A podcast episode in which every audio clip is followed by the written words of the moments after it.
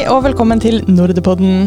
Jeg heter Inga, og jeg vet ikke om du fikk det med deg den 21. april, men EU har lansert et Proposal for AI Regulation, altså et forslag til hvordan vi skal regulere kunstig intelligens. Hvorvidt kunstig intelligens burde reguleres, det er det slettes ikke alle i Norge, eller i verden da, som er enige om engang, men EU har altså synspunkter på hvordan det burde skje.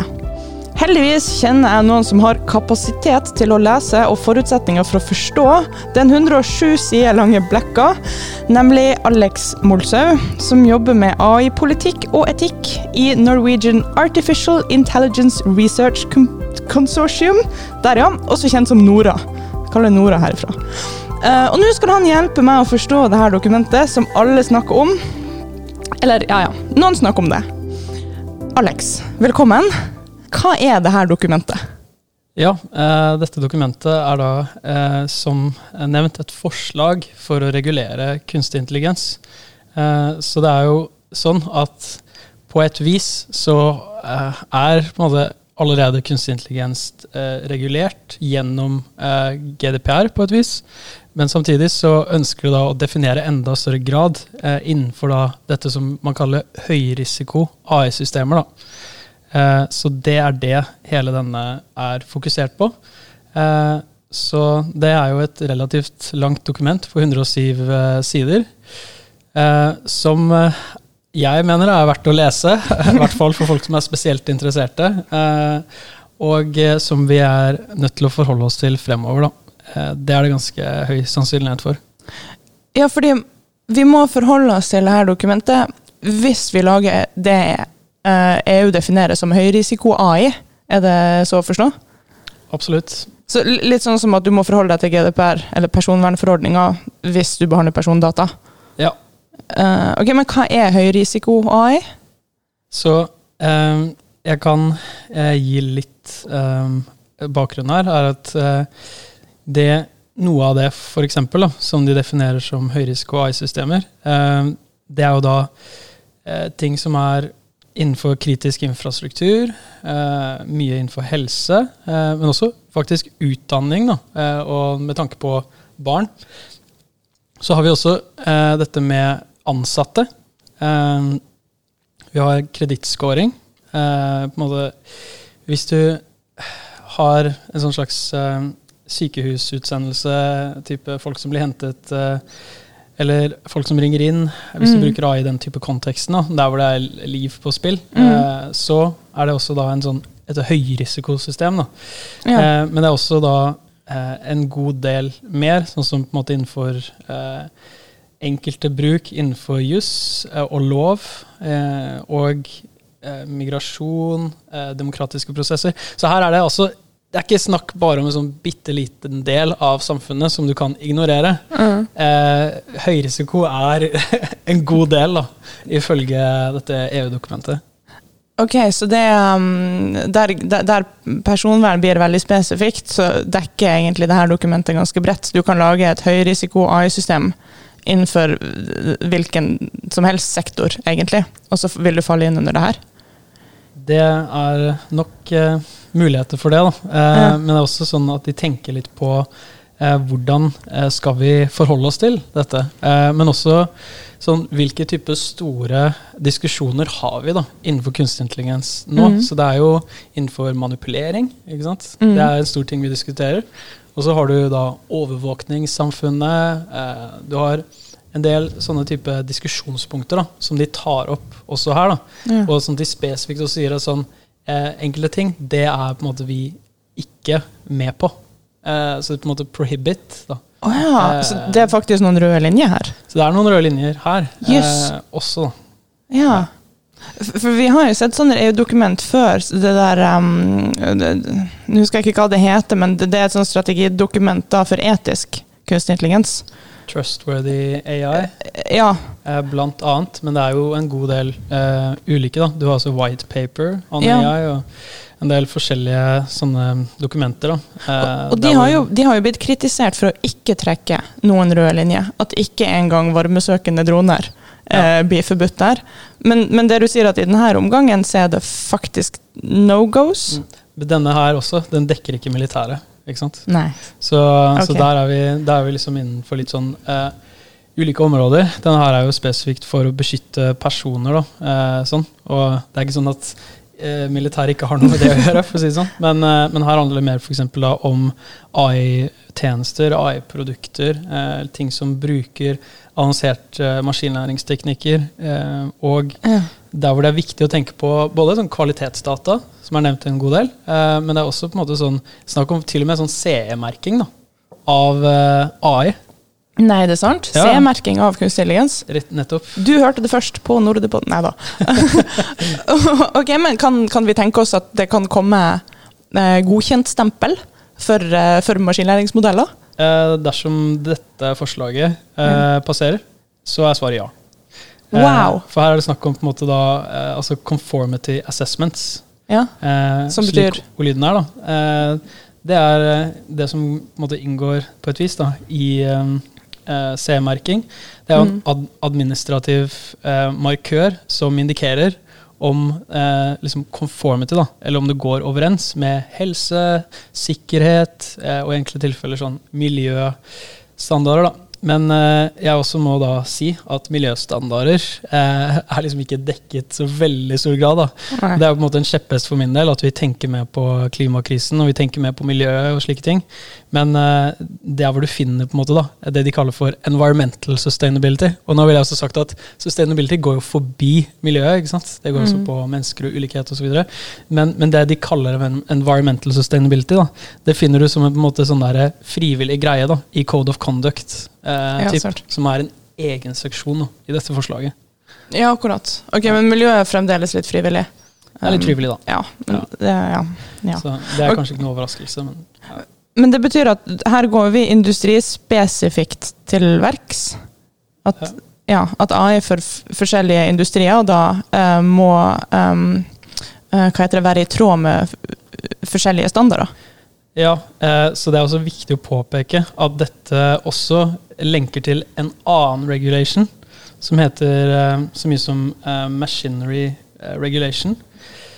Som også er når det kommer til hardware, da. Ikke sant? Ja. Så, så det er på en måte at kunstig intelligens nå, eh, det brukes jo i mange tjenester. Mm. Men det er jo også på en måte at vi bygger produkter da, som vi leverer til forbrukere, eller bare personer, borgere. Eh, og de eh, produktene har på en måte kunstig intelligens som en del av produktet. Mm. Eh, så den machinery regulation og denne er veldig sånn sammenflettet. Da. Og det er nevnt flere ganger i løpet av eh, akkurat måte, dette skrivet, da, på 107 sider. Ja, akkurat. Så um, hmm. jeg, jeg, jeg begynner jo å lure på nå om vi håper å si um, altså Snakker vi om det her i Norge? Hvilke norske politikere burde bry seg om det her? Eller er det sånn at vi, vi kan bare sitte og vente, og hvis det her går igjennom, så får vi et eller annet nytt regelverk vi kan oversette til norsk? Ja, jeg tenker jo at vi bør være mer fremoverlent når det kommer til AI-politikk. da. Eh, og eh, jeg tror det er veldig viktig at vi engasjerer oss innenfor det, og det har vi. Eh, hvis vi tenker på AI-sandboksen til regjeringen, da. Den regulatoriske sandkassen Den regulatoriske sandkassen til Datatilsynet, det står spesifikt AI-sandkasser i dette forslaget Oi, det fra. EU. Det er eh, på en måte, For det her handler også om på en måte at vi skal være, EU skal være innovative og kule. Og EU, EU skal også på en måte beskytte rettighetene til borgerne. Eh, så, så det ene forslaget innenfor, denne, innenfor dette, i denne konteksten, er jo da sånn EU sin sand, eh, sånn, er å få til flere sånne regulatoriske sandkasser. Ja. Sånn at også oppstartsbedriftene og sånt kan ha en mulighet for å forholde seg til dette regelverket. Da. For det er liksom, Hvis du er en oppstartsbedrift, eh, i hvilken grad har du tid til å sette deg ned og lese et 107 siders langt dokument, og deretter CE-merke Ja. ditt eh, AI-produkt? Eh, spørsmålstegn, spørsmålstegn, spørsmålstegn, tror jeg. Ja. Det ser vi jo også i Norge, at, at de små som ikke har råd til, eh, til, jurister eller egne juridiske avdelinger, som sliter mest også med å tolke regelverk, fordi at, fordi at dette er såpass nytt at det er veldig mye det ikke finnes presedens på. Ja. Eh, Så det, men det er artig at EU vil ta tak i det. Ja, det er, det er jo veldig fint at de gjør det, på et Mm. vis. da, Og at de tar den rollen, tenker jeg. Eh, for jeg tror, jeg tror du har nevnt det i en annen diskusjon også, at sånn har vi noen regler, liksom? Eh, burde vi ha noen regler her som er litt mer spesifikke? Og dette er et forsøk på det. da. Ja. Og de skal endres også på sikt. eh. Så de skal evalueres da.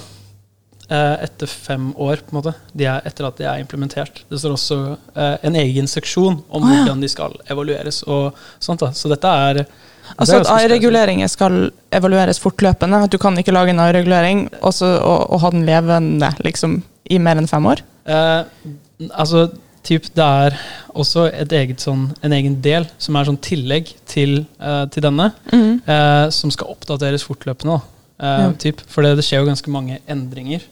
Eh, så det er liksom såkalt Annex 3, da. Mm. Eller sånn eh, vedlagt 3. Ja. til dette, som skal på en måte holdes oppdatert. For det er jo sånn eh, Vi vet jo at det skjer ganske mye innenfor kunstig intelligens. Ja.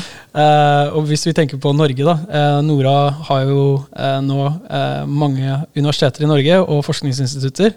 Og hvis du ser på hva som skjer da, innenfor kunstig intelligens, så er det jo helt sinnssykt mye som skjer. Eh, så jeg tror, jeg tror på en måte at, at det å holde seg oppdatert der, da, det er, det er utfordrende.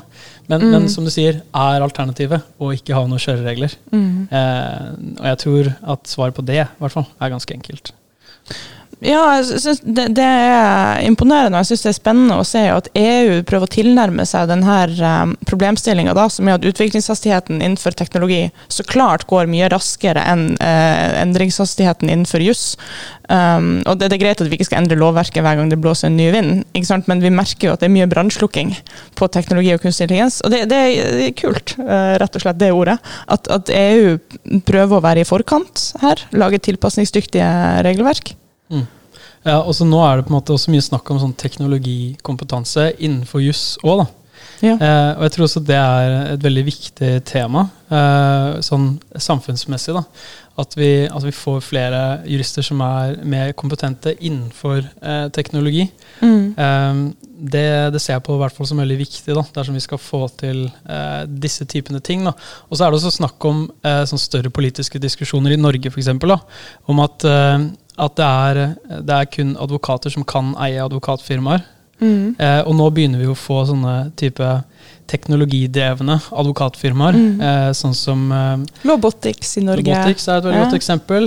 Eh, og det finnes flere. Ikke sant? Eh, så, og det, det tror jeg også er en viktig endring. Da. Men vi må jo fortsatt sørge for at, eh, at det ikke blir noe sånn ja, at, at vi bevarer eh, viktige sånn, samfunnsmessige verdier, jeg kan si. Mm. Eh, Så det har man jo sett i økende grad. Jeg tror eh, jeg har nevnt i flere settinger. Det er på en måte Bologna-caset. Eh, Fordi Italia sitt eh, datatilsyn de er jo kjempepå da, på alt, liksom. Eh, Så de gir jo ut flest bøter da, i, i Europa. Å ja, det visste jeg ikke. Det er Eh, fun fact-statistikk. Fun fact-statistikk. Eh, Så Kan nevnes på neste fest. ja, så, ja det, det er noe som er skikkelig partytriks, altså. Sånn derre Visste du at eh, Uff, nei, du sklir ut. Nei, men, men eh, i hvert fall uh, Deliveroo, da, sånn som Foodora i Norge, på et vis, eh, de, de fikk jo sånn slag på lanken, eh, kan du si, i eh, Italia. Fordi eh, systemet deres er jo lagt opp eh, sånn at de som jobber for Deliveroo, eh, de, eh, de må holde seg aktive på en måte da, for å komme først i rekka. eh, for å kunne få flere oppdrag for å levere. ikke sant? Men de har ingen funksjon for at de skal kunne streike. Ikke sant? Ja. Så, så du møter jo på sånn derre eh, teknologi eh, for optimalisering, og så har vi eksisterende samfunnsverdier, da. Ja. Eh, som eh, i hvert fall er i ganske mange land, og Norge f.eks. Eh, når det kommer til velferd, når det kommer til beskyttelse av arbeidere, når det kommer til veldig mange da, aspekter som, som har vært viktige i Norge. Da. Da blir kunstig intelligens et stort uh, diskusjonspunkt. Uh, typ. Og der er det viktig da, at vi bygger kompetanse da, uh, helhetlig da, over lengre tid. Så det, det vil kreve en stor ja, store investeringer, tror jeg, inn for å også dekke de sånn samfunnsmessige aspektene av det. Det har f.eks. Sverige gjort, i kanskje større grad enn vi har. Ja. Eh, Ja, det, det, det, er interessant. Der har vi jo noen vi kan håpe å si, prøve å konkurrere med. Vi liker jo ikke når Sverige er bedre enn vi gjør, vel. Ah, det er Men, Svenskene Skal de ta oss på dette også? Nei. ja, de skal visst det. Det er jo en del eh, helseregistre de klarer å lage både i Sverige og Danmark som ikke vi klarer. Det er en annen diskusjon. Ja. Men ok, det jeg hører her, det er at EU rett og slett har lyst til å uh, være med og bestemme aktivt hvilken retning samfunnet tar med kunstig intelligens. Det, er det, det det vi ser her, sånn overordna. Ja, jeg vil si at det er hovedtrekkene. Hva har du lært av å lese det her eh, dokumentet? Så mange spennende EU-ord, uh, Inga. Uh, spennende EU-ord? Ja, uh, det er mange spennende EU-ord, på en måte. Så jeg tror liksom, hvis man begynner å lese gjennom her, så skjønner man også at man må nøste mye, da. Også. for det er, det er, jo mange eksisterende diskusjoner som har foregått i EU. Mm. Men det som er veldig fint, på et vis, da, er jo at de gir en sånn oversikt i, starten av dokumentet. Da. Eh, de forsøker å gi deg en slags oversikt eh, over det som har skjedd tidligere. Disse såkalte sånn explanatory memorandum. Så, så, de har på en måte en egen seksjon i dokumentet der de prøver å si hva har skjedd tidligere. Så de skal ta kanskje oss ivrige teknologer som endelig skal prøve å lese et EU-dokument, de skal ta oss litt i hånda? Ja. og gi oss litt kontekst? Jeg, jeg tror de ønsker å, å, være til hjelp her, altså, på et vis. Eh, men samtidig så tror jeg heller ikke de skjønner hvor, eh, hvor innviklet det kan være for en person som f.eks. Eh, ikke har lest tonnevis av EU-dokumenter. Ja. Eh, og jeg er jo spesielt interessert i policy, for å si det minst. Eh, det jo, jeg har jo lest de fleste internasjonale AI-strategiene. Eh, Skottland eh, kom akkurat med en AI-strategi. Eh, Brasil kommer med en nasjonal AI-strategi. Og, og, faktisk Storbritannia, da, som vi snakket om tidligere i dag, på ambassaden, ja. den ambassaden, så skal jo Storbritannia nå komme med en nasjonal AI-strategi. Så den jobber jo Dame Wendy Hall med, bl.a. i ja. Storbritannia. Eh, men det er jo flere der som på en måte er sånn Nå skal vi ha en nasjonal satsing på kunstig intelligens. Og, og, Storbritannia regnes jo som, en, som det landet da, i Europa som har hatt en sånn kanskje i forhold til en del indikatorer liksom, eh, noe av eh, de kanskje beste løsningene på en del utfordringer. da. Ja. Innenfor både business, eh, men også på en måte samfunnsmessig. da. Eh, så, så jeg, tror, jeg tror vi har mye å bygge på der når det kommer til forholdet vårt til Storbritannia. Eh, men da må du ha flere folk som, som, går inn og tenker aktivt på dette her. Eh, sånn som han Ben, som vi snakket med tidligere i dag også. Benedikt, han har jo på en måte eh, Benedikt Ellet? Mm. Ja, han det, det, han som leder den der um, De har rett og slett en sånn AI, det er ikke Task Force den heter. Men, Center for Data and Essex. Ja, og, uh, og, de går rundt og undersøker AI-løsninger som er i bruk i Storbritannia. Han har jo sånn syv-åtte AI-policy-folk ja. eh, som bare jobber med dette eh, veldig mye. da. Og lager sånn nasjonalt AI-barometer. Så de, de, har virkelig oversikt over hva som foregår der på AI-fronten i Storbritannia. Ja. Eh, og det, det, det har ikke vi, vi i Norge. Eh, nei, det er mange ting som de har eh, i Storbritannia som kanskje vi kommer til å ha på et, et tidspunkt. Og f.eks. AI-sandboksen. Veldig inspirert av Storbritannia. Ja. Eh, og andre ting da, som vi gjør, Eh, så det drar vi jo inspirasjon fra, fra andre land. Mm. Så jeg tror mye å lære av Storbritannia. Veldig fin eh, samarbeidspartner potensielt. Nå snakker vi AI-politikk her. Nå snakker vi AI-politikk, ja. Oh, Alex, tusen hjertelig takk for denne innføringa. Og jeg vet at våre kjære lyttere som vil lese mer om det her, eh, kan ha nytte av å lese den posten som du skrev, som inspirerte meg til denne praten. Hvor finner vi den? Eh, du kan følge meg på Medium, som er et sånt bloggnettverk. Mm. Eh, der heter jeg rett og slett Alex Moltzau, så det er ganske enkelt å finne meg. Eh, eller så kan du bare skrive alexmoltzau.medium.com. Men eh, du kommer sikkert ikke til å huske hvordan du skriver Alex Moltzau, da. Eh, med mindre du ser det i tittelen på dette eh, innlegget, selvfølgelig. Jeg skal legge det i tittelen på dette innlegget. Så Til slutt må jeg få eh, takke Dataforeningen aller hjerteligst for at de støtter oss med denne podkasten. Og vi høres plutselig igjen. Tusen takk for følget.